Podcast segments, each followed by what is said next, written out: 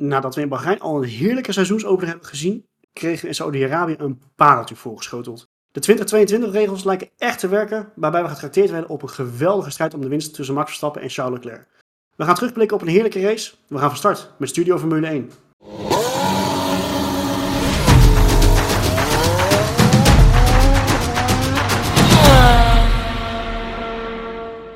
Heren, welkom wederom op deze maandagavond in dit geval. Het was wat, wat laat geworden gisteravond natuurlijk. We kunnen niet uh, bij de race beginnen zonder de rest van het weekend te hebben besproken. We moeten natuurlijk even bestarten bij de vrijdag. Uh, normaal gesproken is daar niet heel veel over te vertellen. Maar in dit geval kunnen we er niet omheen. Uh, Max Verstappen gaf aan dat hij wat, wat, wat, brandlucht rook. Dat was in dit geval niet zijn, zijn Honda-motor, maar dat was een Aramco-oliedepot een paar kilometer verderop. We moeten niet al te veel tijd aan woorden aan vuil maken. Maar je kan niet omheen. Wat maken we ervan? Kijk, uh, er worden dus eigenlijk vanaf het moment dat die race werd aangekondigd, waren al twijfels van, joh, moeten we daar wel heen? Dit uh, tijdens het Formule 1 weekend is natuurlijk wel heftig. Aan de andere kant, het komt daar wel eens voor. Is, is niet om goed te praten, maar schwa. Wat maken we ervan, uh, hoe het daar is verlopen? Marco, ik weet dat jij er een beetje in verdiept en nogal druk over gemaakt. Zacht uitgedrukt. Maar even kort, van, moeten we daar racen, überhaupt? Kijk, we vorig seizoen hebben we het er al even kort over gehad. Dat het eigenlijk gewoon niet het land is waar we horen te zijn uh, en horen te gaan rijden. Wat ik om te beginnen misschien nog wel bijzonder vind, is dat we vrij eenvoudig van Rusland af konden. Omdat die Oekraïne aan het binnenvallen is. En we eigenlijk niet met hetzelfde gemak van Saudi-Arabië af kunnen. Terwijl er eigenlijk niet heel erg veel andere zaken gaande zijn in en rondom dat land. In de details daarover hoef, hoef ik denk ik niet te treden. Uh, dat is allemaal vrij eenvoudig op te zoeken op het internet. Maar wat ik wel denk is dat wat we nou dit afgelopen weekend gezien hebben, dat het gewoon. Nou, ik denk dat een aantal mensen het daar wel redelijk Spaans benauwd hebben gehad over wat daar uh, zich afgespeeld heeft. Gerust natuurlijk vrijdagavond tot, uh, tot echt ontzettend laat, maar tot nu of twee, uh, half drie zijn zij natuurlijk in overleg geweest met, met ja. alleen de, de, GPDA zelf. De geruchten gaan dat het grootste gedeelte daar gewoon niet wilde racen. Maar dat ze nou, overgehaald zijn om toch te blijven. Ook in verband met logistieke problemen. Eh, om daar hè, snel weg te komen. Om dan niet zomaar 1, 2, 3 weg ja, vluchten bij, wijze van. Ja, een goede keuze om uiteindelijk. Ja, natuurlijk een goede keuze ja, omdat we gewoon een fantastische race hebben gezien. Maar ja, toch begrijpelijk dat we zijn gebleven. Als je alle, alle partijen bij langs gaat. Ja, op zich denk ik wel, kijk, als je op een gegeven moment uh, de boel daar afblaast, dan uh, is, is zo'n land ook wel in staat om bijvoorbeeld te zeggen van hé, hey, uh, de vliegtuigen gaan ineens niet meer of ze laten het land niet uit. Dus ja, in hoeverre is dat verstandig? Anderzijds is het ook zo, op het moment dat je contract tekent met een Saudi-Arabië, dan weet je gewoon dat dit ook de risico's zijn. Kijk, ik, ik, ik schrok niet echt van het gebeuren op de vrijdag, want het is al jaar en dag is het daar onrustig. De rebellen zijn daar al bezig om oliedepots van Aramco aan te vallen. Dat zijn de energievoorzieningen. Dus dat aan zich vond ik geen verrassing, want ik ben ook niet wereldvreemd. Dus ja, ik weet ook wel een beetje wat op de wereld speelt. Dus ja, maar dat geeft wel weer aan van, als Formule 1 zijnde moet je daar natuurlijk moreel gezien, kun je, niet, kun je daar niet komen. Dan zullen echt wel ja, dingen moeten veranderen om het te rechtvaardigen. En er staat natuurlijk een hele grote zak met geld tegenover. Dat is ook waarom we daar zijn. Maar dit, dit laat wel weer zien uh, wat daar gaande is en wat daar speelt. Ja, zeker. Ja, ik, buiten het feit dat, je, dat ik je wel snap, hè, en dat je zegt, je bent niet heel vreemd, het, het gebeurt daar vaker. Toch het feit dat het tijdens een live Formule 1 sessie gebeurt en jij, hè, de mensen die daar op de baan rijden, die idoliseer je eigenlijk gewoon, eh, maakt het voor mij persoonlijk, en volgens mij voor Marco ook wel een beetje, hè, toch echt wel wat spannender. Aan de andere ja. kant. Ja. Nee, nee, dat is ook zo. Alleen het is gewoon de kansberekening. Ja, er is een kans dat daar in de omgeving uh, iets, iets kan gebeuren. Dat is natuurlijk op een Zandvoort is dat veel kleiner. We hebben volgens mij ook ooit gehad dat de Grand Prix van Bahrein afgelast is vanwege terroristische dreiging. Dus je Oh, weet gewoon als je... Ja, maar dat is al langer geleden. Maar je weet dus dat in die Ja. regio hangen dus dit soort risico's eraan vast. Dus op het moment Ja. dat de Formule 1 besluit... Dus ik denk dat ze zichzelf daarmee ook in de voet schieten gewoon. Steeds meer races in Ja. die regio. Er hoeft maar iets te gebeuren een keer. Ja, dat het echt misgaat. Ja, dan draai je het nooit meer terug. Nee. Zo is het ook wel Eh, natuurlijk. vrij letterlijk. ja, Ja, Ja, Ja, Kijk, eh, dat, dat is ook wel een beetje wat je ziet. Hè? Kijk, het zijn, hè, we zien dat we naar heel veel landen toe gaan die heel veel geld tot hun beschikking ze hebben vanwege onder meer olie. Hè? Dus kijk naar Rusland, kijk naar Saudi-Arabië. Maar ook de landen zoals een Bahrein, Qatar, Azerbeidzjan, waar we straks nog naartoe gaan. Het zijn allemaal landen daar, nou ja, die hebben niet de, groot, de, de meeste, die hebben geen clean sheet, laten we het zo maar zeggen.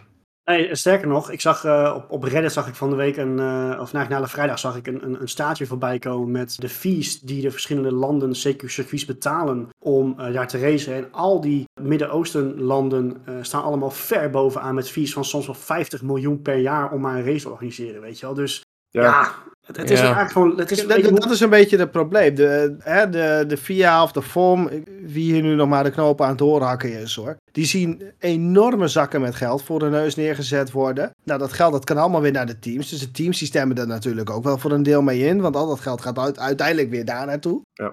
Dus zij, zij kiezen er op een gegeven moment zelf ook voor. En ik vraag me wel een heel klein beetje af, hoe ver moet het straks gaan, totdat de mensen gaan zeggen van, nou weet je, hier trekken we de grens. En je, het, zorgt er wel voor dat onze geliefde sport financieel gezond is. Ja, ik denk nog steeds dat dat op hele andere manieren ook wel mogelijk is. En dat, hoeft niet per dat geld hoeft niet per se uit olie weg te komen, lijkt mij. Nee, maar er is gewoon een grotere, grotere zak met geld daar te halen. Maar wat jij zegt klopt, het is natuurlijk een piramide. Hè? Kijk, Liberty is gewoon een commerciële instelling en die wil zoveel mogelijk geld verdienen. Ja. Het geld van Liberty wordt weer voor een deel naar de, vloeit door naar de teams. Nou, de, de coureurs worden weer door de teams betaald. Dus het is gewoon een soort piramide wat, ja, wat natuurlijk uit is op zoveel mogelijk geld binnen te halen. Dus dat is, kijk, en je moet, moet ook niet vergeten, hè, bijvoorbeeld eh, de hoofdsponsor van Aston Martin is Aramco. Ferrari, eh, Ferrari heeft bijvoorbeeld Ferrari World in het Midden-Oosten staan. McLaren wordt gefinancierd vanuit het Midden-Oosten. Dus die teams zitten er ook in verweven. Ja, en dat is natuurlijk ook aan. Nee, dat is ook een red race. Een team wil ook zoveel mogelijk funding hebben om zo goed mogelijk te kunnen presteren. Dus ja, En dat is een compleet logische, logische keuze. Maar goed. Natuurlijk. ja, we, we, we Ik- zijn het in principe... Sorry Chris. ja je, je gaat hier ook niet aan ontkomen gewoon. Nee. En-. Die mensen, en volgens mij hebben we het daar vorig seizoen ook over gehad. Volgens mij over dat Qatar en zo eh, ook op de kalender zou komen. En al die landen die hebben nu onwijs de behoefte om zichzelf te laten zien aan de wereld. Van oh kijk ons sinds ons onwijs sportnaties zijn. Ja. En Ja, wat Daar is is Saudi-Arabië. nee, weet je, kijk, weet je, we zijn het er volgens mij allemaal wel over eens dat we daar eh, ehm, eigenlijk niets te zoeken hebben. Natuurlijk vanwege wat er gebeurd is vrijdag, maar ook vanwege wat er zaterdag gebeurd is. Het, kijk, het is een belachelijk snelle baan. Hè? Dus is bepaalde secties in waarbij jij, eh, als je die onboard ziet, dan denk je van dit, dit kan niet op een straatcircuit. En eh, onze grote vriend Mick Schumacher heeft het natuurlijk bewezen met een, een, een nou, ik zou bijna zeggen, een misselijkmakende klap in de muur. Ik schrok me echt oprecht helemaal kapot toen hij haaks die muur inging. En ik had echt eh, de vrees dat daar wat meer aan de hand was dan alleen eh, een kapot eh, chassis. Neemt niet weg dat hij wel uitstapte. Niet mocht rijden de volgende dag, maar dat was schijnbaar niet vanwege zijn eigen gezondheid, begreep Nee. ik. Maar hoe, hoe, hoe kijken jullie daarna als jullie zo'n zo'n crash zien in zo'n kwalificatie? Hebben jullie dan ook zoiets van, moeten we hier dan ook op, om die reden wel gereden? Moet die baan niet een beetje aangepast worden? Of hebben jullie ook zoiets van, ja, dat hoort er eigenlijk wel bij. Met de veiligheid van tegenwoordig helemaal. Ja, ik denk wegwezen. Maar dat zeggen heel veel coureurs. Hè? Ja. Er zijn een heleboel coureurs die zich uitgesproken hebben dat ze hier eigenlijk helemaal niet willen rijden omdat het veel te gevaarlijk is. Heel veel angles waarop je van een curb af kan komen of waarop je een foutje kan maken, waarop je verschrikkelijk misselijkmakende muur in kan klappen. dat, dat is het ook. Hè? Kijk, eh, Ja. stra- straatcircuits kennen we overal wel van. En de muren staan altijd dichtbij. Je kan overal kan je best wel hard op de muur ingaan. Maar ja, precies wat jij zegt, die, die snelle knikken die je daar hebt, als je daar je achterkant verliest, dan ben je gewoon Het- echt het een is, eh, eh, ook, ook dat heb ik vorig seizoen gezegd. Het is knettergek dat we hier rijden. Eh, ik zag Thomas net even lachen, want Thomas vindt het een fantastische baan om op te rijden. Maar dit is Nou. niet wat je coureurs wilt aandoen. Als, als liefhebber om te zien vind ik echt super stoer. Vooral de kwalificatie. Ja. Maar ik denk dat het gevaar er meer in zit. Eh, je hebt een aantal blinde knikken. Als daar plotseling Ja. misschien een auto staat en je ziet dat niet, dat je er frontaal, frontaal inrijdt. Dus daar ben ik het wel over eens van het zicht moet wel aangepast worden misschien. Maar video. Ja, maar ik, ik denk sowieso met die hoge snelheden in die, in die knikken moet niet kunnen. Nou, maar dat, kijk, als liefhebber vind ik het wel stoer. En ja, weet je, Formule 1 is altijd gevaar, gevaarlijk. En dat, dat dit zo goed is afgelopen. Je moet het bewijst niet het. gevaar gaan maken voor het extra gevaar. Nee, maar goed, we kunnen ook, eh, kijk, we kunnen op een gegeven moment ook een rondje op de pitlimiter gaan doen. Is heel veilig. Maar het zegt ook wel wat dat zo'n crash zelfs nog helemaal goed afloopt. Ja. In het verleden hebben we ook wel crashes gezien. Ja, wacht, even, wacht even, hè. Daar heeft Mick geluk gehad. Want we Ja, maar- hebben in, in F2 hebben we exact dezelfde crash gezien. Minder hard stapt iemand uit met een hersenschudding. Nee, tuurlijk. Dat, Maar dat zit soort zaken wil in niet hebben, man? Ja, maar dat zit Ja, inherent. dat is wel een beetje inherent aan racen natuurlijk. Dat is, Is een altijd hersenschudding Ja. zo heftig? Met, met alle respect, is een hersenschudding zo heftig? Het is Ook vervelend. dat, had, ook dat had heftiger af kunnen lopen, denk ik. Ja. Ja, maar dat, dat had het allemaal wel. En Ja. kijk, nou ja, wat voornamelijk gevaarlijk is, dat de gemiddelde snelheid is zo hoog. Want wat Roy al zegt, we rijden op veel meer straatcircuits, waar je ook hard gaat. Maar Monaco is ook een straatcircuit, maar dan ga je gewoon gemiddeld hard. minder hard. Dus ja, ik, ik denk dat dat voornamelijk het gevaarafdeling is. En Ja, uiteindelijk zo'n baan wordt daar allemaal op berekend en op goedgekeurd. Dus Ja, weet je, dat is het ook. Kijk, de FIA die geeft je dat een Grade 1 licentie. Dan mag je ervan uitgaan, want dat zijn mensen die er over het algemeen verstand van hebben. Dan mag je ervan uitgaan dat het wel goed zit. Eh, neem niet weg, freak accidents kunnen altijd gebeuren. Kijk naar Ja. Grosjean Bahrein 2020. Freak accidents kunnen gebeuren. En dat voorkom je niet. Nee, nee. Kijk, Ja, zeker met het, feit, het feit dat een circuit een Grade 1 licentie krijgt, betekent niet per definitie dat het veilig is. Ook die regels kunnen flawed zijn. Ah, dat Ja, maar En eh, heel eerlijk, ik kan de VIA er ook best op betrappen dat ze een circuit iets makkelijker door laten gaan, want er ligt een grote zak geld voor de neus te houden. Die Ja. kans geef ik ze ook vrij aardig. Nee. ik denk Ja, dat je er wel. nu te, te, te veel Ja, weet ik. Ja, in wil lezen, zeg maar. Ik, ik zeg Ja, vaak Redenen zoekt om, om er maar weg te kunnen komen. Want En dat hebben sommige mensen ook met oval racing en IndyCar. Sommigen zeggen, ja, dat is echt gekke werk. Hè. Anderen zeggen, vinden het wel mooi. Ik moet wel zeggen, kwalificatie vond ik, vind ik daardoor wel echt super gaaf om te kijken eh, op Jeddah.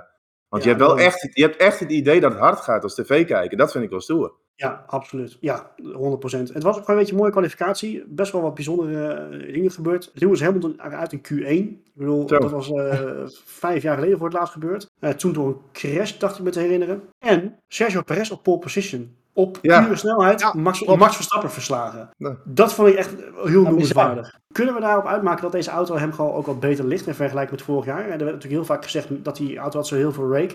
Dat eh, een bijtende voorkant is wat Verstappen graag wilde en dat wil Sergio Perez niet. Kunnen we daar een beetje wat op maken dat, dat hij zich gewoon veel lekkerder voelt in die auto nu? Want hij was ook echt gewoon in de race, en daar komen we zo eventjes op, was hij ook echt gewoon competitief. ja. ik denk het wel. Ja, dat zag je in Bahrein al en ook met de testen wel, denk ik al. Hoor.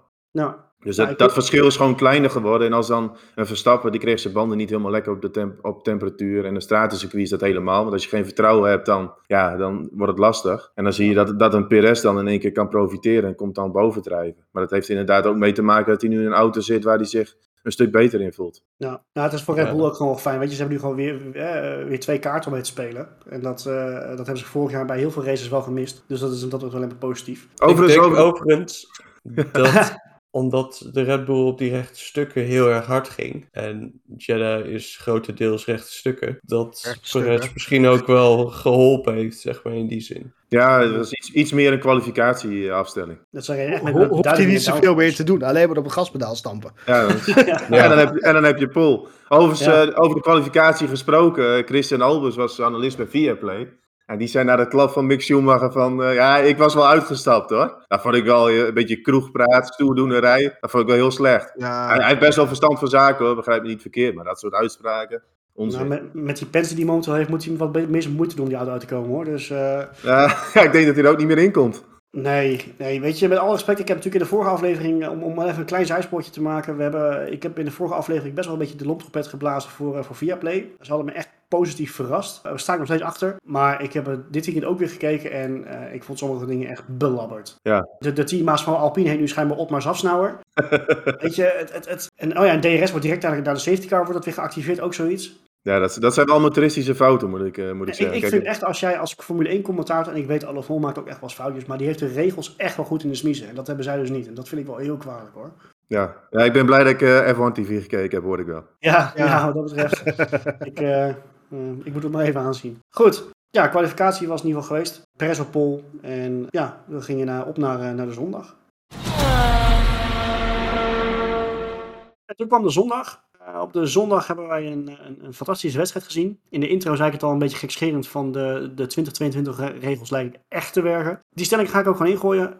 Zijn jullie het daarmee eens? Eh, werken het, lijkt het echt alsof die regels nu echt werken? En gaat het ons een, ja, ook echt een fantas- fantastisch seizoen opleveren op deze manier? Maar ik, Ja. vraag me, meer- ik vraag me meer af, hoe kunnen we het na afgelopen zondag oneens eh, daarover worden? Ja, nou ja. ja, Nee, mijn Ja. complimenten naar Ross Brown en co. Ja. Want eh, ja, je, ziet gewoon, je ziet gewoon dat het werkt. Je krijgt nu veel meer gevechten dat je een auto beter kunt volgen en dat je terug kan counteren. Je gaat je nu zelfs afvragen of sommige DRS-zones niet te lang zijn. Ja, Hè, dat, we Ja. zagen natuurlijk, kijk, Leclerc Verstappen was een geweldig gevecht, Alpine-rijders. maar bij Leclerc Verstappen was het natuurlijk wel bizar dat je op een gegeven moment gewoon niet als eerste over de DRS-lijn wil voor de laatste bocht. Dat je daar gewoon op de rem gaat staan eh, van hé, ik wil niet als eerst. Weet je wat we vorig jaar met Hamilton en Verstappen zagen. Dus misschien dat daar wel iets op het circuit eh, aangepast moet worden. En wat mij zo opvalt, en eh, dat zei volgens mij Olaf Mol in het racecafé gisteren ook, dat Leclerc, als je hem vergelijkt met Max Verstappen, maakt hij een veel intelligentere indruk. En dat is niet om te zeggen dat Max een, van de domme coureurs is, want die kan knijterhard racen en, en ook echt wel goed nadenken. Maar Leclerc die is, dat zag je in Bahrein ook al met de herstart bij de safety car. Ja. En nu ook weer hoe hij die herstart deed, dat, dat, hij, dat hij in de laatste bocht zijn auto helemaal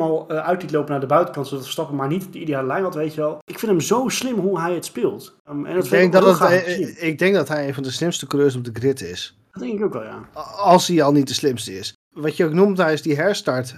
Max altijd op het vuil willen laten rijden. Zich niet willen laten verrassen. Altijd de beste momenten. Niet op de gok aan laten komen bij een herstart. Wie of Max wel of niet oplet. Nee, gewoon objectief de beste plek en het beste moment kiezen. Zodat Max altijd in de problemen komt. Ik vind dat super goed. Ja. Ik ben er een enorm grote fan van. En ja. moet ik zeggen, Leclerc sowieso drie jaar geleden was ik geen fan van hem. Ik vond hem een beetje een arrogant mannetje. Maar ja, nee, dat meen ik echt. En mede geholpen door Drive to Survive. Ik zeg het echt. En de manier waarop hij zich de afgelopen jaren bij Ferrari gemanifesteerd heeft. Zeker in het jaar samen met Sainz afgelopen jaar. Ja. Ik, ik ben een groot fan van, uh, van Charles Leclerc aan het worden. Ik vind het ook gewoon een geweldig duo überhaupt. Ook, Ja. ook. Ja, dat, Heb ik zo een leuk weetje over. Oh jee. Ehm, Nou, ja.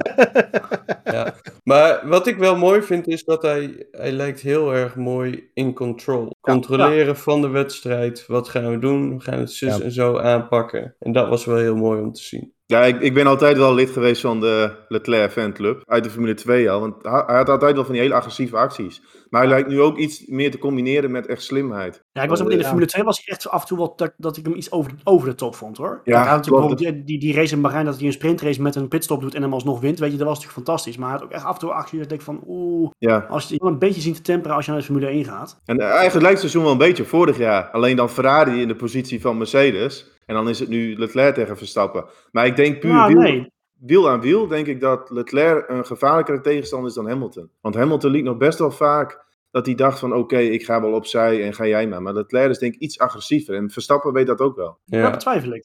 Als je, eh, kijk alleen naar vorig jaar, race 2 was het volgens mij in Imola. Ja, Ra- Raakten ze elkaar direct al in bocht 1. hè, Hamilton ja klopt. Maar het was wel dat Hamilton vaak dan weer naar de buitenkant ging. Dat was vaak geen slimme positie. En Leclerc is daar iets sluwer in, denk ik. Ja, misschien wel. En eh, het, het kan, hè, dat is natuurlijk allemaal aannames, maar het kan natuurlijk ook zijn dat eh, Verstappen nu wat meer als een ja, kampioen rijdt en net even wat rustiger een gevecht aangaat. Omdat hij ook weet dat hij een, een goed pakket heeft en dat kans niet heel groot is dat, zoals vorig jaar, dat hè, toen Mercedes gigantisch aan het inlopen was in de tweede helft van het seizoen, die kans acht ik zelf ook een stuk kleiner eigenlijk vergeleken met vorig jaar. Ja, nee, het kl- klopt hoor. De situatie is nu natuurlijk anders. Je bent aan het begin van het seizoen, dus het is ook te vroeg misschien om die risico's te nemen. En verdedigen is ook anders dan dat je moet aanvallen. Ja, Ja. zeker. Als verdediger kun je altijd, hè, vorig jaar moest, hij, moest Verstappen natuurlijk een punt eh, voorsprong verdedigen. Dan kun je altijd meer risico nemen dan de ander, want als je er samen afgaat, is voor jou winst. Ja, zeker weten. Maar het wa- was ook wel voor Leclerc was het natuurlijk lastig, want Red Bull had gewoon veel minder downforce, waardoor eh, ze meer rechte lijnsnelheid hadden. En ja, dat maakt het circuit van jij daar voor mij ook wel interessant. Sector 1 is dan best wel bochtig, zag je dat Ferrari een voordeel had. En dan sector 2 en 3, dus zag je de Red Bull, die liepen gewoon naartoe. Ja. En Verstappen bleef in die DRS-zone, dat was gewoon vernietigend voor, voor Leclerc. Die laatste virtual safety car was dat, geloof ik. Was Verstappen, dat, die kon net even wat sneller weer op gang komen. En toen zat hij binnen die seconde. Ja. Dat, was, dat was wel bepalend voor de wedstrijd, denk ik. Ik denk, zonder die laatste virtual safety car was het wel een lastige verhaal. Dat denk ik ook wel. Maar dat maakt het gevecht ook leuk. Want je hebt Ferrari sneller in de bocht en de Red Bull weer. En uiteindelijk bleek dan toch de keuze voor Red Bull in de race iets beter. Omdat je met, al- toch altijd wel met safety cars te maken krijgt op zo'n stratencircuit. ja. Dan ben je in een gevecht, ja, ben je net even wat sterker op de rechte stukken. Dus dat, is- dat is denk ik een goed eh, besluit geweest. Het gaf Binotto volgens mij ook wel aan na de race. Van ja, misschien wel met iets te veel vleugel gereden. Ja, maar weet je, daar leer ik ook wel weer van. Neem niet weg, ver- vergeet eigenlijk gewoon het gevecht zelf. Hè, Het feit dat je, wat is het, ongeveer acht ronden voor het einde een, een gevecht om de winst krijgt, om de leiding krijgt. Dat eh, nummers 1 en 2 bij de finish vier tiende volgens mij van elkaar afzitten. Ja, iets in die... Dat, dat is toch magistraal? Dit is toch wat we willen zien? Ja. Ja. Absoluut. En dit is waarvoor die regels zijn gemaakt. Dus Ja, dat precies. was, eh, dat was wel echt Ja. geslaagd. Maar goed, we zijn het in ieder geval wel unaniem over eens. De regels lijken echt te werken. En eh, ik, ik ben ook heel benieuwd hoe het dan bijvoorbeeld nu zal gaan op banen als eh, Barcelona. Weet je, Barcelona was ook al vaak een draak van een wedstrijd als het gaat om, om actie op de baan. Ik Ja, maar dat kwam ook, hè, dat, hè, dat, dat kwam daar ook mede door. Als het allemaal van die, van die langslepende Ja. bochten had, wij er gewoon niet achter kon blijven. Daarom. Compleet ander verhaal zijn nu. Ik hoop het van harte. Andere knokpartij die wel noemenswaardig was, was natuurlijk de, tussen de beide Alpines. Je zag op social media, dan zag je alweer wat dingen voorbij komen van, goh, eh, Ocon in een roze auto, die wil alleen maar zijn teamgenoot eh, eh, aanvallen. Hè, even terugdenken aan zijn tijd bij Racing Point toen de tijd dat hij met Perez Ja. eh, meerdere malen in de clinch lag. Mhm. Ik vond het mezelf wel, als je bedenkt dat er twee teamgenoten zijn, vond ik het wel iets te ver gaan als je, mij, als je het mij vraagt. Wat jullie? Ja en nee. Het blijft in de Formule 1 zo. De eerste die wil verslaan is gewoon je teamgenoot. Je hoort natuurlijk altijd wel die interviews van... Ja, ik ben blij voor het team, want mijn teamgenoot die staat er ook goed bij. Maar die van binnen, weet Kijk, voor een Ocon ook. die- Zijn carrière staat ook een beetje op het spel. Hij rijdt toch tegen... een Wat, ja, ja, Ja, wat, zeker. Kijk, een wat oudere Alonso. Als hij, hij wordt weggereden door Alonso. Dat is gewoon voor zijn marktwaarde en voor zijn toekomstperspectief niet goed. Je hebt het wel over Alonso, weet je. Als je daar niet continu van, van wint, is dat natuurlijk ook geen schande. Nee, maar gezien ook zijn leeftijd natuurlijk. Kijk, Alonso is toch wat ouder. Kijk, en Ocon... Je wil gewoon altijd je teamgenoot verslaan. Dus, Ja, maar het- ik, vond het, ik vond het Ocon wel ver ging, ja. Dat absoluut. Wat, wat, wat voor Ocon heel erg belangrijk is in een seizoen als deze. Hè? Hij, dit is zijn tweede seizoen tegen een Alonso. Je moet nu in elk geval groei laten zien ten opzichte van je teamgenoot. Je moet hem af en toe echt een keer kunnen pakken en in een direct gevecht. Want ik denk echt wel dat het daarom gegaan is. Moet je het gewoon een keer laten zien. Ja, precies. En- ja. Even jongens, ik denk dat ze daar bij BWT ook allemaal heel blij mee geweest zijn. Die hebben Ja. eh, een, een volle kwartier, 20 minuten in beeld gestaan. Ja, Ja, dat wel, daarom. ja. dat is is het voor jou wel anders. eh, heel goed nieuws geweest is. Ja, daarom. Ja, zeker. de sponsor is hartstikke Maar blij. voor Ocon is dit, is dit een fantastisch gevecht geweest. En ik vond dat- hij in het begin een klein beetje over de scheef ging. Maar ook eh, met F1 TV, de internationale zijde van F1 TV, die heeft Opmar ook gesproken tijdens de race nog. En Opmar heeft ook gezegd, we laten ze lekker rijden. Die, die, klonk er vrij, ja, die vond, klonk er vrij content mee in elk geval. Ja, ik heb ook Ah, wat woordradio's. beelden dat je hem zo zag van... ah, Ja, ik kut. vraag me ook af hoor. Ja, want, want ze verloren ook wel veel tijd natuurlijk. En ik heb ook een Ja. boordradio van Alonso gehoord die daar ook niet heel blij mee was. En die gaf daarna de race wel aan, ja, was een prima gevecht. Maar als je dan die boordradio hoort, dan... Ja, maar Ja. dat is ook vaak in het moment, hè. Ja, zeker. Maar Ja, Emotie doet veel, hè? Ja, ik Maar- bedoel, ja, we hebben Max Verstappen de afgelopen race ook weer, weer een aantal keer horen miepen. Daar moet ik wel Dat eens is dan wat over toch- zeggen, hoor. Dat, dat, ja, ik maar vind Max moet ermee overdreven. kappen. Max moet er echt mee kappen. Ik vind het eh, echt een klein kind worden. En ik weet ook wel, het is in emotie en je bent topsporter en je wil alles eruit halen. Toch, kom aan de andere kant, ze, ze doen het echt helemaal. De kampioenen doen het allemaal. Weet je, geleerd, ja, ja. Ik wou net zeggen, Ja. het is nu een beetje hypocriet om... Nee, nee, nee, nee, nee, zeker. Ik vind, nee, ik bedoel het niet op die manier, maar ik bedoel gewoon meer überhaupt dat miepen. Haal er toch een keer mee op. Ja, maar Ja, in dat- het Zie je algemeen. dat hij een beslissing terugdraait, zie je ook nooit. Nee, maar ik, Ik- ik ik vind het wel mooi van de engineer van Max trouwens. Want die zegt dan altijd van, ja, ja, oké, hebben we gezien. ja, Zo van, ga gewoon racen van, we hebben het gezien. Ja, maar dat, dat vind ik goed. Ja, deze engineer vind ik altijd wel mooi hoe die dat En maar nu dan... was, het- was het, Ja. zei hij echt letterlijk van, joh, focus jij dan op het racen, Ja. wij regelen het wel. Weet je, dat, dat vond ik wel een hele mooie boordradio inderdaad. Ja, maar dat, dan heb je wel goede engineer eh, aan die GP. Want dan betekent wel dat hij jou gewoon durft tegen te spreken. Hè? Van, weet je, concentreer je gewoon op het racen, want we hebben het gezien, oké. Volgens mij Ja, maar ik denk dat 200 meter dat op dat moment zeg maar voor die coureur gewoon puur is dat je gehoord wil worden. Ja. En Ja. voor de rest maakt het niet zoveel uit. Nee, en eh, het ging op een gegeven moment ook dat, dat Leclerc dan over die, die pit entry rate. Ja, dat mag dan officieel ook niet natuurlijk. Dus ja, waar je een voordeel kunt halen, ga je dat misschien ook wel proberen. Dat is een beetje wat Roy zegt, wat kampioenen vaak dan doen. Geleerd van Hamilton. Ja, Ja, ik ben wel heel benieuwd, maar aangezien eh, de, de VIA er eigenlijk gewoon letterlijk niks mee heeft gedaan, ben ik wel benieuwd of dat een beetje ook een statement is geweest vanuit de steward. Zo van, niet zo miepen, Ja, ja, ja. een beetje dat idee. Ja, maar wat ik daar nog wel eh, interessant vind, is dat ze, want Max merkte ook op dat die, die lichten op de achterkant van de auto van Leclerc ook niks deden. nee. Ja, maar dat, dat is volgens mij ook echt verboden, toch? Ja, Ja.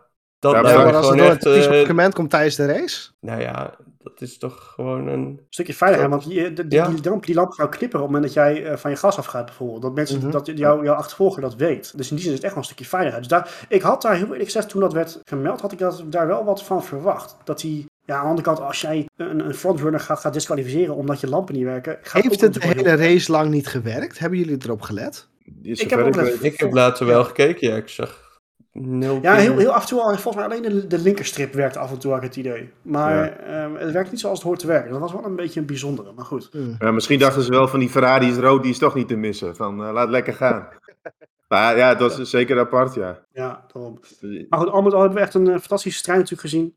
Maar ik wil nog heel even één dingetje over de wedstrijdleiding. Ik vond het moment Sainz-Perez vond ik wel, wel slecht. Ja. Hè, dus op een gegeven moment safety car, eh, Sainz komt de pit uit. En je ziet overduidelijk dat hij eerder bij de, bij de lijn is dan Perez. Ja. En, Ja. en dan vervolgens wordt de plek wordt teruggegeven na de herstart, twee bochten later. Maar Sainz heeft dan nooit de kans gehad bij de herstart om Verstappen aan te vallen. En we weten allemaal wel van Red Bull, natuurlijk hebben ze dat tactisch gedaan. Zij willen Verstappen natuurlijk beschermen. Dus dat vond ik, ja, dan denk ik van, dan moet je, je moet gewoon zorgen dat die herstart in de juiste volgorde verloopt. Sainz had gewoon het recht om op plek 3 te starten. Het is gewoon een hele zwart-wit regel. Ja, dus ik, ik Ja. vind het, ja, ik vind het eh, vreemd dat daar op die manier eh, mee omgegaan is, als ik eerlijk ben.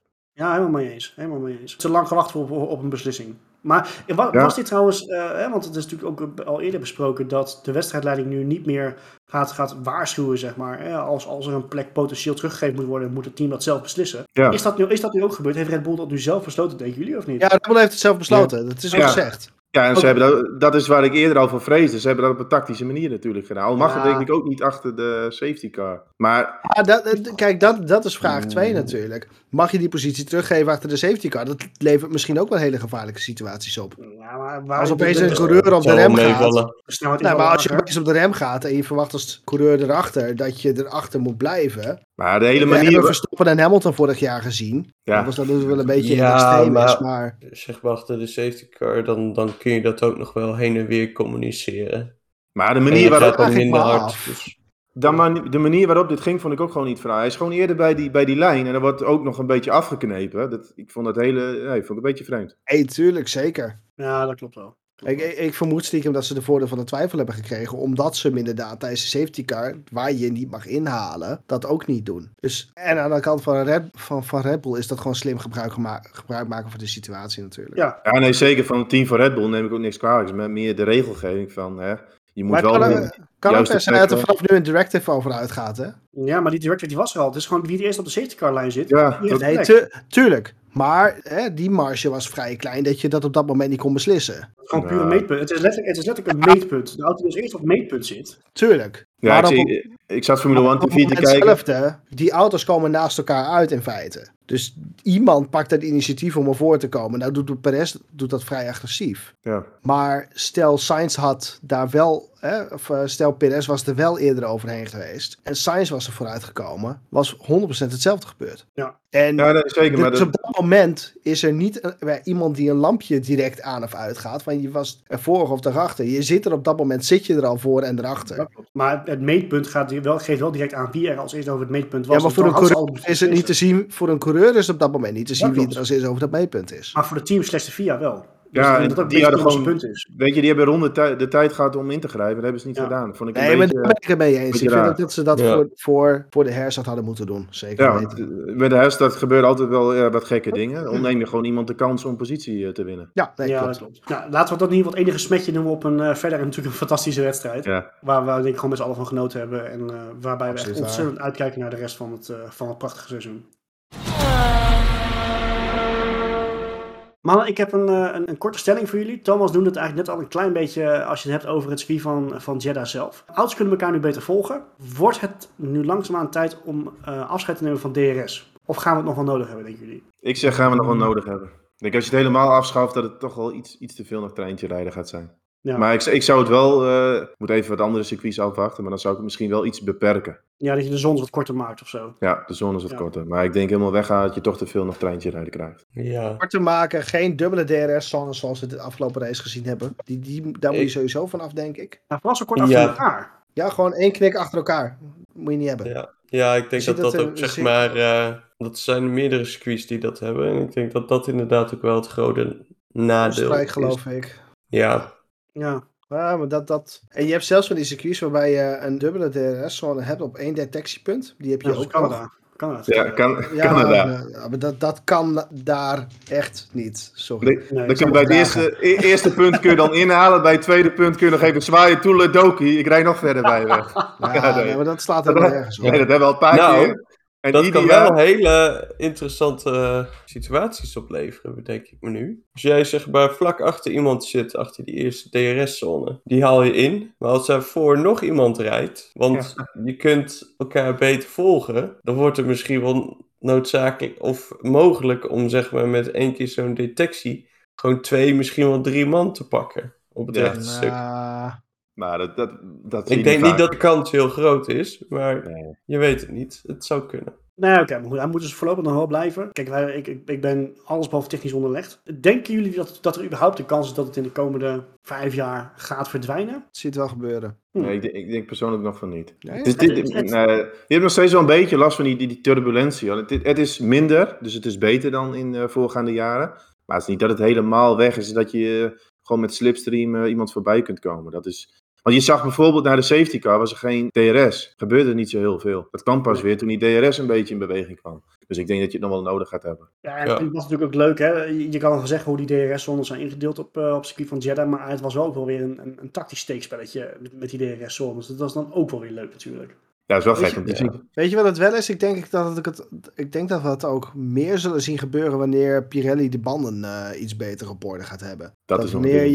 Ja. Ik, kijk, een inhaalmanoeuvre wordt voornamelijk bepaald op exit. Mhm. Dus op het moment Hmm. als iemand anders zijn banden minder zijn, dan ben je makkelijker voor het grijpen, omdat je exit minder is. Ik hoop stiekem dat. Wat je vroeger had bij Pirelli was dat je van die echte kliffen had, waar je echt niet overheen kon komen. Nou, dat moet je absoluut voorkomen. Maar je wil juist. Ik, ik denk dat je stiekem nog wel banden die. Je wil voor twee stoppers gaan, misschien wel. Ja, Standaard. En dan krijg je veel meer actie op de baan en nog meer actie in de pit. Ik denk dat dat nog leuker is. Ja. Ik hoor het al jaren dat je gewoon twee pits als verplicht moet maken. Nee, Roy, we moeten niet met Jawel. verplichte pit. Nee, nee, nee. nee, nee. nee. We moeten ervoor zorgen dat Pirelli een band maakt, dat je op twee stops uitkomt. Ja, dat was in dat- 2011. Ja. Dat had je wist net wat Zo'n cliff. Dat je op een gegeven moment dat je echt helemaal geen grip meer had in Nee, maar dat wil je nu niet. Maar je, Nee. je- Pirelli kan ook nog steeds de keuze maken om een zachtere banden, bandengroep mee te nemen. Ja, sommige, ja. sommige keuzes vind ik zo conservatief. Dat, Ja, maar wat nog steeds een beetje het punt is, zoals dit weekend in Jeddah zie je dat dan ook weer. De soft levert niet heel veel meer op ten opzichte van de medium en de hard. Dus nee, helemaal ja. niks. kijk, en dat is denk ik meer het probleem. Maar nee, TRS blijft nog wel even en eh, misschien iets inkorten, denk ik. Ja, oké. Dat zijn zo. Tijd voor onze vaste rubriek, top en flop. Ik ben heel benieuwd waar jullie nu mee zijn gekomen. Omdat ze hier volgens mij wat makkelijker misschien wel was dan vorige race, denk ik. Chris, brand los. Ja, ja, het was inderdaad wel makkelijker dan, eh, dan de vorige keer. Ik had als top Max. Nou ja, Ja. Wat En niet- nou, wat ik zeg maar wel goed vond aan zijn race is dat hij wel zijn... Hij pakt in de start, pakt hij Sainz. En weet we heel goed zeg maar terug te komen naar voren. Ondanks dat, ja, het is een lastig circuit denk ik daarvoor. Daarnaast heeft hij heel veel geduld getoond. Dat vond ik wel ja, goed. Maar het was allemaal zoiets van... het komt wel. Ja, en Ja. ik denk dat het misschien ook wel een beetje door zijn team komt. Want hij had een aantal pogingen gedaan om echt dichterbij te komen. Dan was hij aan het vloeken en tieren dat het niet lukte. En dat het team zei van, hé, hey, we verwachten misschien nog wel een keer een safety car of iets. Wat ook gebeurde. En zodoende kon hij dichterbij komen. En door, ik denk door juist door rustig te blijven, kon hij ook dichterbij komen. En nou ja, uiteindelijk dat eh, schitterende gevecht eh, aan te gaan. En we noemden eerder al Leclerc dat hij heel sluw was met die eh, DRS, die laatste bocht. Maar ik denk dat Max ook al heel gauw na die eerste keer dacht van oké, dit is mij vorige week overkomen. Ja, Nu één keer. Het wordt tijd om zeg maar een ander, wat anders te gaan doen. Ja, En ik denk dat hij dat wel goed heeft aangepakt. Ja, zodat maar- hij daarmee ook mazzel had aan het einde dat zijn banden nog wel iets beter waren dan die van Leclerc. ja. Je zag, je zag Leclerc ook uitkomen laatste bocht, zag je maar een beetje... eh, Ja, wel die zag achter glijden. Ouderwetse uh, Wiebel die Wapski. Wiebel die Wapski, ja. Ja, flink aan driften. Maar Ja. Ja. Was inderdaad vooral het rustig blijven. Want eigenlijk kwam de race een beetje naar hem toe. Ja, Want Ja. eh, eh, over het hele weekend gezien, vond ik het nou niet eens echt een van zijn beste weekenden. Want de kwalificatie was een beetje rommelig. Zelfs de eerste stint van de race, de medium band, was helemaal niet zo heel sterk. Perez had vooraan een beter, beter race tempo. Maar goed, er komt de safety car, hij schuift naar plek 2. En op het moment dat hij op de harde band kwam verstappen, was hij wel een stuk sterker hoor. En dat geeft, maar Ja. goed, ook niet echt dat hij kon aandringen bij Leclerc. Dat gaat was constant een beetje anderhalf seconde. Hij kwam niet in die virtual safety car, of eh, in die DRS-zone. Door die virtual kwam hij daar een beetje in. Ja, het einde was natuurlijk magistraal. Maar het was inderdaad het rustig blijven. En het, dit is echt zo'n race. Het kwam een beetje naar hem toe. Hij kreeg de kans. En dan moet je hem ook grijpen. En dat is Ja. wel een beetje wat kampioenen. Daar heb je Hamilton in het verleden. Dat zei iedereen van wat een geluk weer. Ja, maar je dwingt dat ook af. Door gewoon rustig te blijven en helemaal op straat te Ja. Komt Ja. nog wel een safety car, er komt nog een virtual. Ja, en dan moet je scherp zijn. Dat was hij. Het was, het was vooral een hele volledige race van Max. Ja. Ja. In, in, in, in grote lijnen geen fouten maken, zijn momenten kiezen. Ja. En Ik, ik denk dat dat zijn race heel erg sterk maakt. Net dat moment eh, ook herkennen van, oh ja, wacht even, Leclerc die houdt nu twee, drie keer in, houdt hij eh, hè, voor die DRS-zone. Wacht, ik zit er nu achter. Ik zorg ervoor dat ik er nu achter blijf zitten.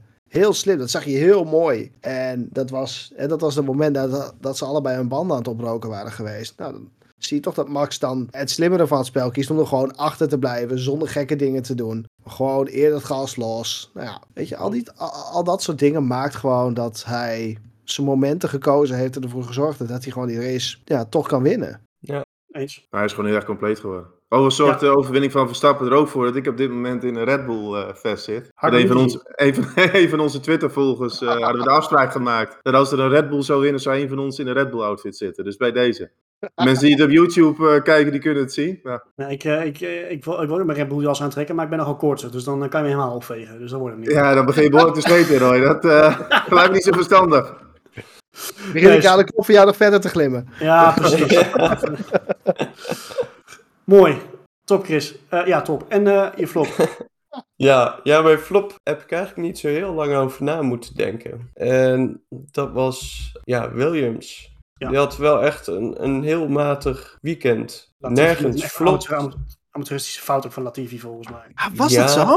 Ja, ik weet niet hoor. Ik ben natuurlijk ik ben geen coureur. Ik bedoel, hè, we, we kunnen wel erover, eh, net alsof wij het wel beter weten. Maar ik vond het heel Ja, knullig die, volgens, mij, volgens mij ligt dat meer aan die auto. Want ik had het idee dat hij zich dat hij inderdaad een overstuurmoment had. Over probeerde te corrigeren. En op dat moment had die auto eigenlijk alweer grip teruggevonden. Hij probeert niet eens te Ja. corrigeren. Hij trapte direct op de rem. Ik denk dat dat de fout was. Nou, je, je ziet hem wel terugsturen, dus hij Ja, Je ziet hem corrigeert wel wel. doen. En dan ziet hij de muur en dan begint hij te remmen en dan... toen zat hij in de muur. Dat, Maar het, was wel, het was wel heel knullig. Cool. Ja. Ja, überhaupt, Latifi heeft natuurlijk überhaupt dit seizoen al heel veel momenten in twee races. Dit is, Ja. je, hebt Ja. bijna, je hebt bijna het idee alsof Mazepin in die Williams zit. Zo ziet het eruit. Nou, het scheelt niet veel. Sorry jongens, maar... Nee, wij zegt ook wel Ja. over die auto is lastig te besturen. Hè? Beetje hetzelfde als wat de Haas vorig jaar had. Maar ja, hij maakt er wel een potje van. Want Albon, goed, die doet nog wel een beetje mee. Ja, maar die had uiteindelijk, en daarom noem ik Williams als team ook. Want Albon in de laatste fase met Stroll was dat. Ja,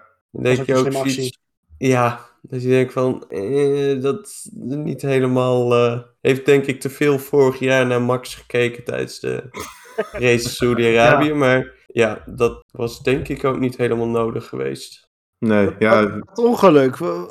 überhaupt die crash. Wat vonden jullie daarvan? Wie 50-50? Of ja ik denk ik dat ben er toch Albon, even benieuwd naar. Albon wel te enthousiast is. Maar dit zijn wel van die momenten die Stroll vaak meemaakt. Omdat hij ook niet iemand is die dat dan doorheeft. Even van denkt, hé, hey, ik moet snel even opzij, want er gaat iets gebeuren. Ja, dat gevoel heeft Stroll Ja. ook totaal niet. Maar Hij het is wel, gewoon in. ja, het is wel de Ja, fout van ja, ja. Albon. hoor.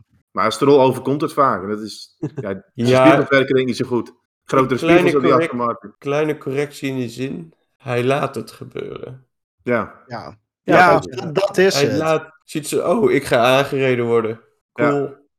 En zeg maar, al, als het ware een soort van hert die in eh, de koplamp Ja, kijkt en gewoon blijft staan. eh. Ja. Ja, maar ja, Stroll is ook een hobbyracer, dus die maakt zich niet zo, is niet zo druk. Ja, precies. Ah, maar Nee. weet- weet je wat het is? En daar ben ik het op zich ook wel mee eens. Kijk, een Albon die... Hè, Stroll zegt vrij terecht, denk ik. Nou, een flinke divebomb van Albon. En, en daar heeft hij een heel goed punt. Maar op het moment dat hij dat zegt... dan heeft hij dat ook aanzien komen. Want anders zie je nooit of te nimmer dat er daadwerkelijk sprake is van een divebomb. Op het moment dat je een divebomb aan ziet komen... dan kan jij ook de keuze maken... oh, ik pak hem wel wat wijd en ik blijf er lekker voor hangen. Doei. Die bocht is af te snijden. Dat is dan ook wel weer die slimmigheid die hij dan moet hebben. En Ja, daar betrappen we hem veel vaker op. Die slimmigheid mist hij. Dat hij, Absoluut. dat hij zegt van nou, oh wacht, die Albon die wil hem binnen doorchasen. Nou, laat ik hem dan ook maar le- lekker er doorchasen. Hè, ik, snij hem wel af, ik, pak ik pak die waarschuwing wel, weet ik veel. Ja, Hij of zorgt ervoor- eerder remmen en zorgen dat hij voorbij schiet er achterlangs. En, Oh,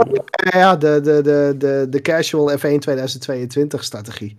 Ja, ja zoiets. Zo zou je hem nu wel kunnen noemen. Ja. maar Williams als team lijkt ook wel een beetje het stokje van Haas overgenomen te hebben. Oeh, zonde hoor. Ja. Ik vind Ja, wel- Ja. echt heel slecht hoor. Ja, hoe, vind je zelf, ja. hoe, vind je zelf dat het gaat met je 50% voorspelling, Chris? Komt er een grote update? Of, eh, gaan we Oh, is dat manager Roy hier aanwezig? Hoe vind je zelf dat het gaat? nou, seizoen, het seizoen is nog lang.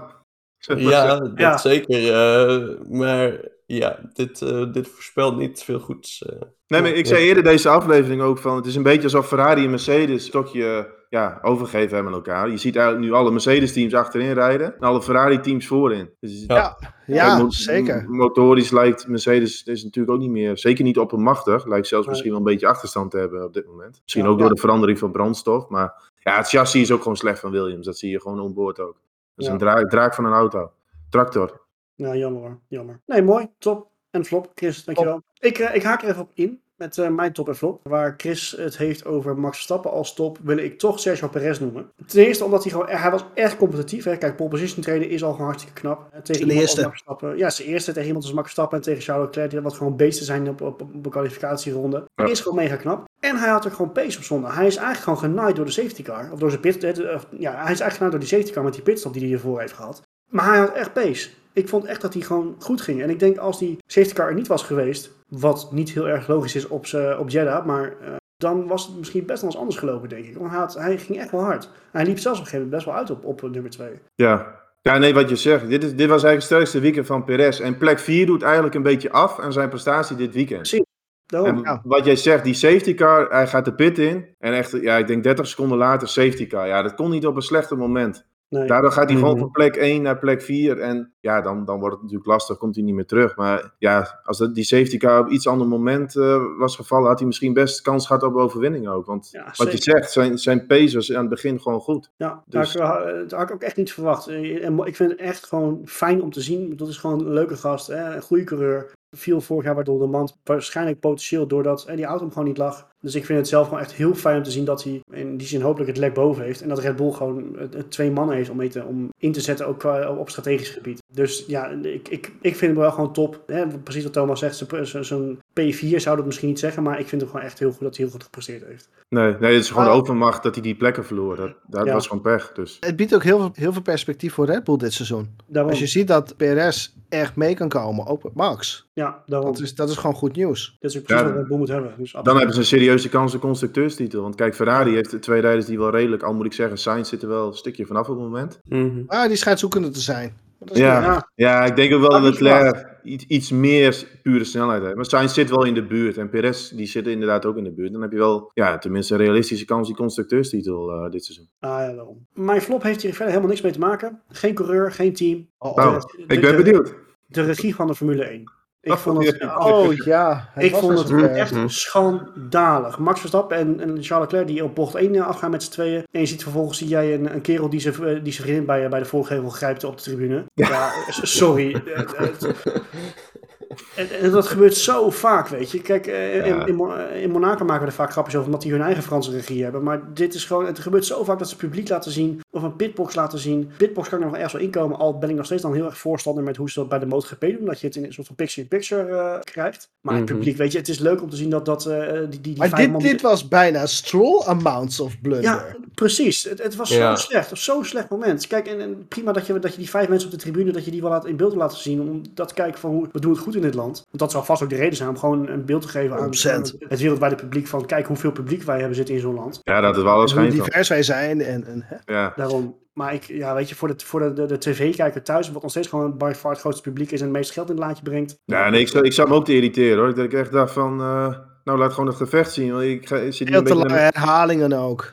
Ja, Ook dat, ja, Ja. veel te lang. Ja, klopt. dus eh, dik Ja. Ja, erg jammer. Ik hoop dat ze ervan, eh, ik hoop dat ze ervan leren. Ja, ja, het is gewoon te veel. Thomas. Ja, ik, even, ik, wil, ik wil nog even op inhaken. Want ik had vorig jaar misschien ook wel een keer gekscherend gezegd. Sorry, de regie was beter voor, eh, tijdens COVID. Terwijl, toen er geen publiek was. Ja, klopt, ja, klopt. Had je geen rare shots van het publiek of wat dan ook. Of van de omgeving of wat. Nee, En dan was al het beeldmateriaal was gefocust op de race. Het is, sorry, het publiek is leuk. En het is leuk voor het publiek dat ze er zitten. Maar als kijker heb je er werkelijk geen fuck aan. Nee, Sorry. het, het geeft wel sfeer. Kijk, in Saudi-Arabië vind ik dat er wat minder. Maar ik vind het wel. eh, kijk bijvoorbeeld naar, naar Zandvoort vorig jaar. Weet je, dat je zo'n hele publiek helemaal uit zijn plaats ziet gaan. Ik vind dat wel heel gaaf om dat als kijker ook te zien hoor. Dat je, dan- dat je toch die sfeer Ik, ja, ik, ik, vind, ik vind het geen, ik Ja, vind nou- het geen meerwaarde hebben als kijker die naar die race aan het kijken is. Ik, Nee, ik nou- snap het voor de entertainmentwaarde wel, maar... Na de race mogen ze dat doen. Weet je Ja, wat ik ja, ook precies. Overigens- overigens vond ik nog wel grappig. Ik zag ook wel wat lachten van. Ja, via Play laat allemaal herhalingen zien. Ja. Terwijl dat is gewoon van de Formule 1 eh, regie zelf. Dat heeft Viaplay Ja. helemaal niks mee te maken. Dat is ook Ja, zo dat- typisch. dat- lekker ja, dat- Over herhalingen en Viaplay gesproken, daar wil ik nog wel eventjes wat over zeggen. Nou, Viaplay heeft dus allemaal herhalingen laten zien van die crash van Mick, terwijl het totaal niet bekend was hoe het met Mick zat. Heel slecht. Ja, Ja. klopt. Nou, ik Dat moet- ik vind ik wel bizar. Moet wel zeggen dat ik wel vrij snel zag dat hij zijn vizier volgens mij omhoog deed. Dus ja, dat Maar, zag je ja. nog Maar wel, volledig maar... mee, tuurlijk. En, Je en gaat- je dat, gaat niet dat als heb ik op FTV heb ik dat inderdaad ook wel gehoord. Dat, daar was Brandolf, geloof ik. Brandolf zat er, geloof ik. Die, die was daar vrij scherp op. Die zag dat heel snel. ja. Alleen het feit dat daar geen beelden werden getoond, er geen communicatie was, want die hele communicatie was weggevallen hè, naar die crash Ja, van Mick. klopt, ja. Dan ga je niet als zender zijn de herhalingen uit, uitzenden. Nee, Nee. je- gaat- op, je gaat er man. niet als, als, als zender je eigen, eh, je eigen ding in doen. Je wacht Nee. op van de FOM. Nee, en- maar- en dat is toch verschrikkelijk respectloos.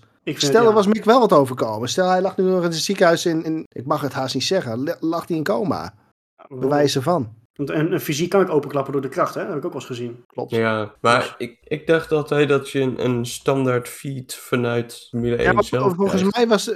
Want bij weet niet wie- F1 TV zag je dat helemaal niet. Nee, dus wat Nee, zij maar dat- waarschijnlijk hebben gedaan is op eigen... de studio, Ja, toch? Ja, dit Ja. was echt beelden vanuit Viaplay zelf. Ze hebben zelf gewoon de, de live beelden Ja. maar, van die klap hebben zij laten zien als herhaling. Nou, gewoon zelf terugspoelen in Juist. die feed. Ja. En, en dat, ja, dat, dat kan je gewoon echt niet maken. Ah, volgens, eh, volgens mij, of het zal me niks verbazen, dat ze nog op de vingers getikt worden. Daarover. Dat zou me wel kunnen hoor. Maar Een stukje het is, oner- onervarenheid, zullen we maar zeggen. nou, maar het, is, het is de tweede, Ja. ze, ze moeten misschien nog leren, maar dan nog voor iets voor, voor iets Je wilt toch liever veilig zitten, of niet? Ja, dat lijkt mij ook. Maar ja, goed, weet je. Ah, Christine Albers stapt gewoon uit, joh, dus maakt allemaal niet uit. Ja, daarom. Daar, daar dachten ze, kunnen we ook wel laten zien. Albers, die stapt zo uit uit zo'n... eh, Daarom. vracht. Album, schei uit. Ehm, Thomas. Ja, ik heb wel een leuke top. Die is een beetje onzichtbaar geweest. Maar voor mij is dat eh Lando Norris. Oké.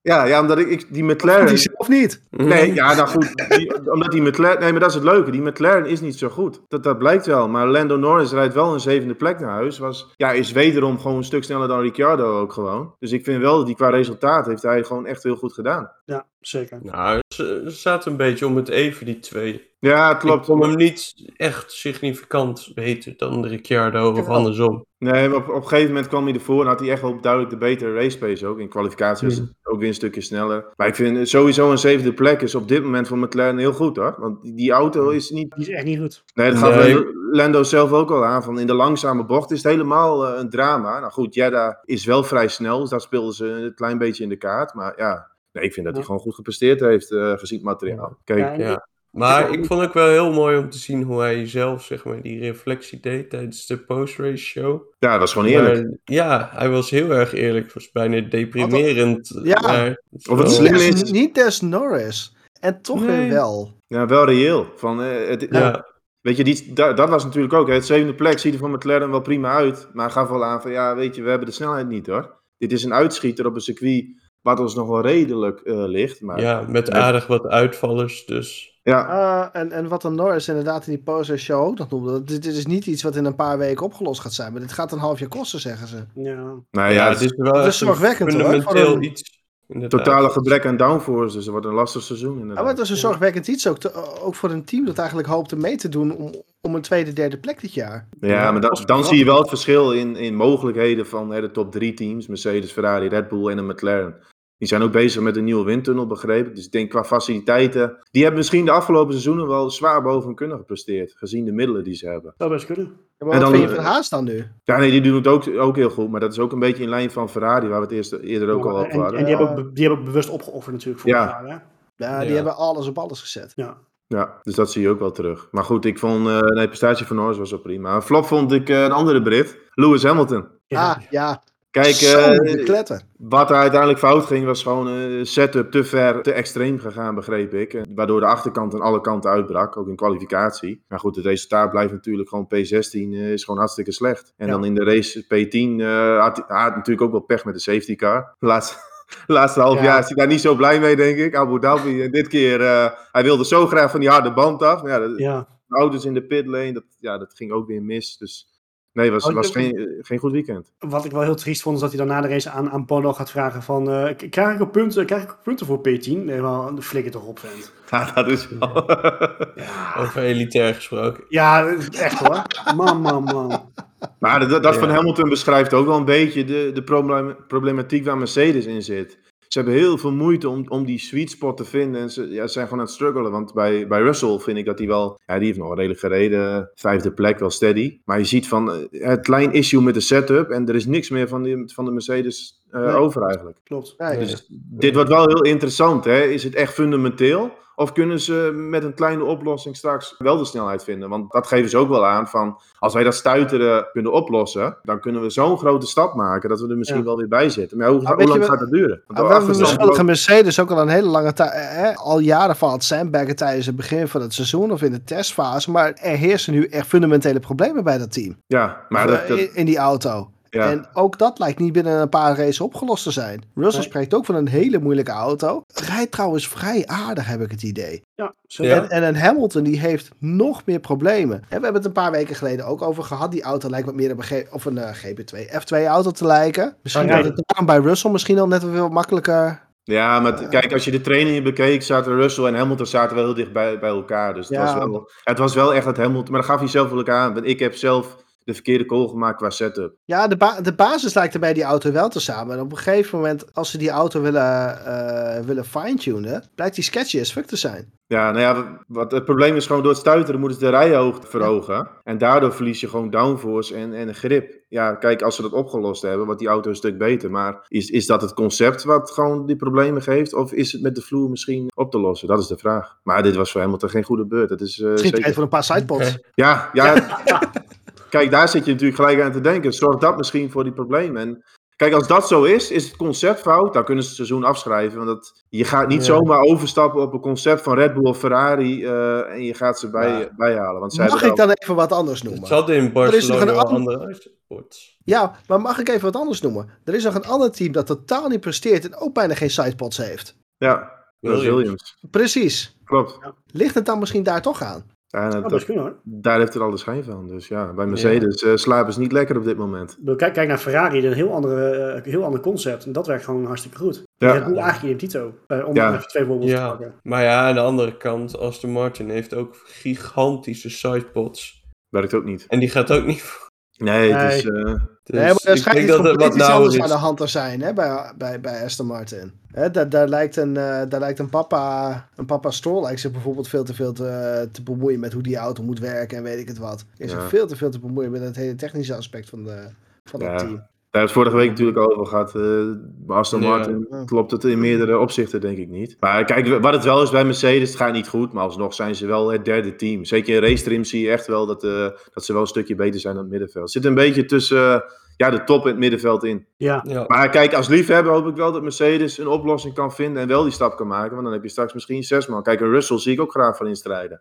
tuurlijk. Ja. ja, dat zou mooi zijn. Dan, wordt- dan wordt het helemaal gezellig natuurlijk. Zeker weten, zeker weten. Nou, mooi. Marco, last but not least. Ja, ik wil eh, om te beginnen eh Roy de John Deere Award geven voor het, voor het grasmaaien van mijn top. Oh, sorry. Ha, Is het een keertje andersom?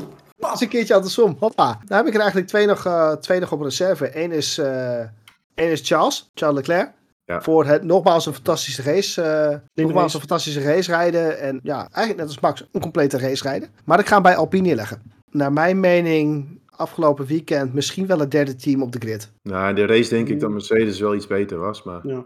maar ze, ze zitten er wel redelijk bij. Ja, maar ik vind ze in kwalificatie hebben ze zich dusdanig goed geplaatst. dat ze eigenlijk het derde team op de grid hadden moeten zijn. Naar mijn gevoel ook het team met de minste pech op motorisch gebied. Als je Ja. alle teams bekijkt. Iets wat ik stiekem niet verwacht van, van een Renault. Zeker niet naar de berichten. Maar ook, ook niet naar de berichten van, voor, van voordat het seizoen begon. Want Nee, er werd maar- constant gezegd dat die Renault is verschrikkelijk slecht. Maar die Renault loopt vrij hard. En oké, er is maar één team die met een Renault motor rijdt hoor. Dus het kan al snel goed of fout gaan. Maar Maar Ja. Alonso, Alonso zit wel aan zijn tweede motor inmiddels al. Dus Ja, dat is wel vrij snel. Ja, maar goed, als je kijkt naar de problemen die bijvoorbeeld bij Red Bull Powertrain speelt, dat is links en rechts val, vallen Ja. de boel uit. Die Mercedes loopt voor geen kant en alleen die Ferrari die lijkt vrij aardig door te lopen. Ja. ja, Dus ik, ik vind die Renault vind ik zo slecht nog niet. nee, nee, nee, ze hebben zeker eh En- het gat gedicht. Wat wel interessant wordt natuurlijk, we krijgen op een gegeven moment gaat het echt grid penalties regenen. Als je nu al ziet hoeveel... Daar lijkt het dit seizoen wel op, eh, op uit te draaien. Ja. Ja, maar ik denk dat dat ook wel een beetje eye-opener voor teams is geweest vorig jaar. Wat Mercedes deed. Helemaal als je dat in het middenveld hebt.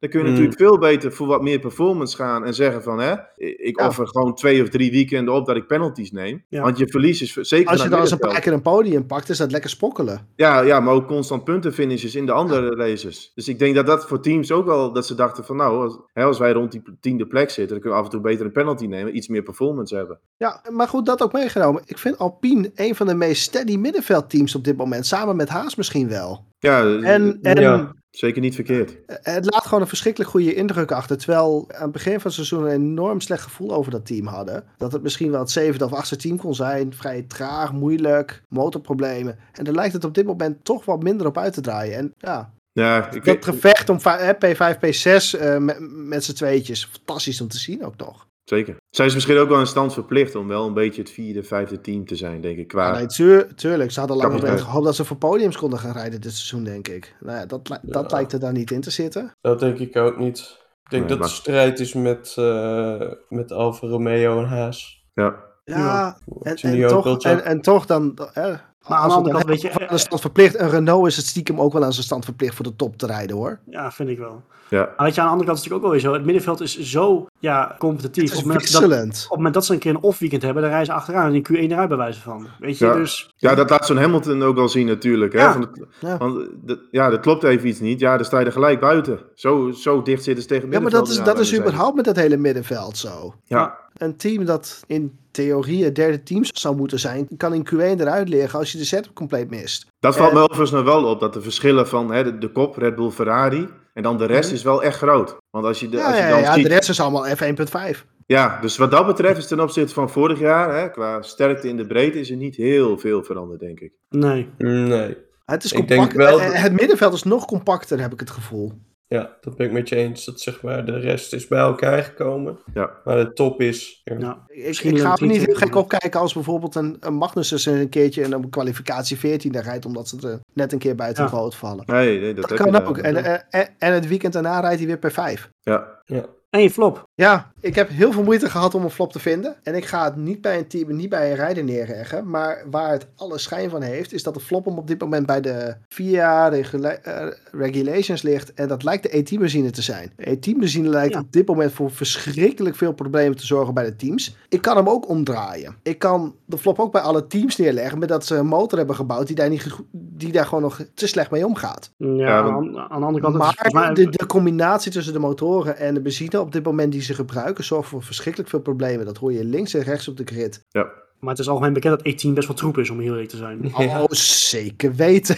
Dat, Ja, Ja. maar je, je weg, eh, normale auto gaat ook mis. Dus Ja. Absoluut waar. En het kost tegenwoordig ook nog eens een keer pokkenduur. Je krijgt er iets meer voor terug. Nee. Maar dat is een ander verhaal. dat, dat is een ander verhaal. Maar het lijkt links en rechts voor problemen te zorgen. En ergens kan ik het ook wel weer een top noemen, want dat gaat voor een verschrikkelijk leuk seizoen zorgen. Met heel Ja. veel grip penalties en Ja. wisselende omstandigheden. Maar dat heeft Ferrari met Shell heeft daar wel een goede job in gedaan. Lijkt het wel Ja. op, ja. Ja, dus het is ook wel aan de teams daar een goede oplossing voor te vinden. En wat je her en der dus wel hoort, is dat ja, Ferrari is er zelfs gigantisch op vooruit gegaan. Ook met de verbrandingsmotor. Dus dan hebben ze samen met Shell hebben ze dat toch eh, goed opgelost. Ja.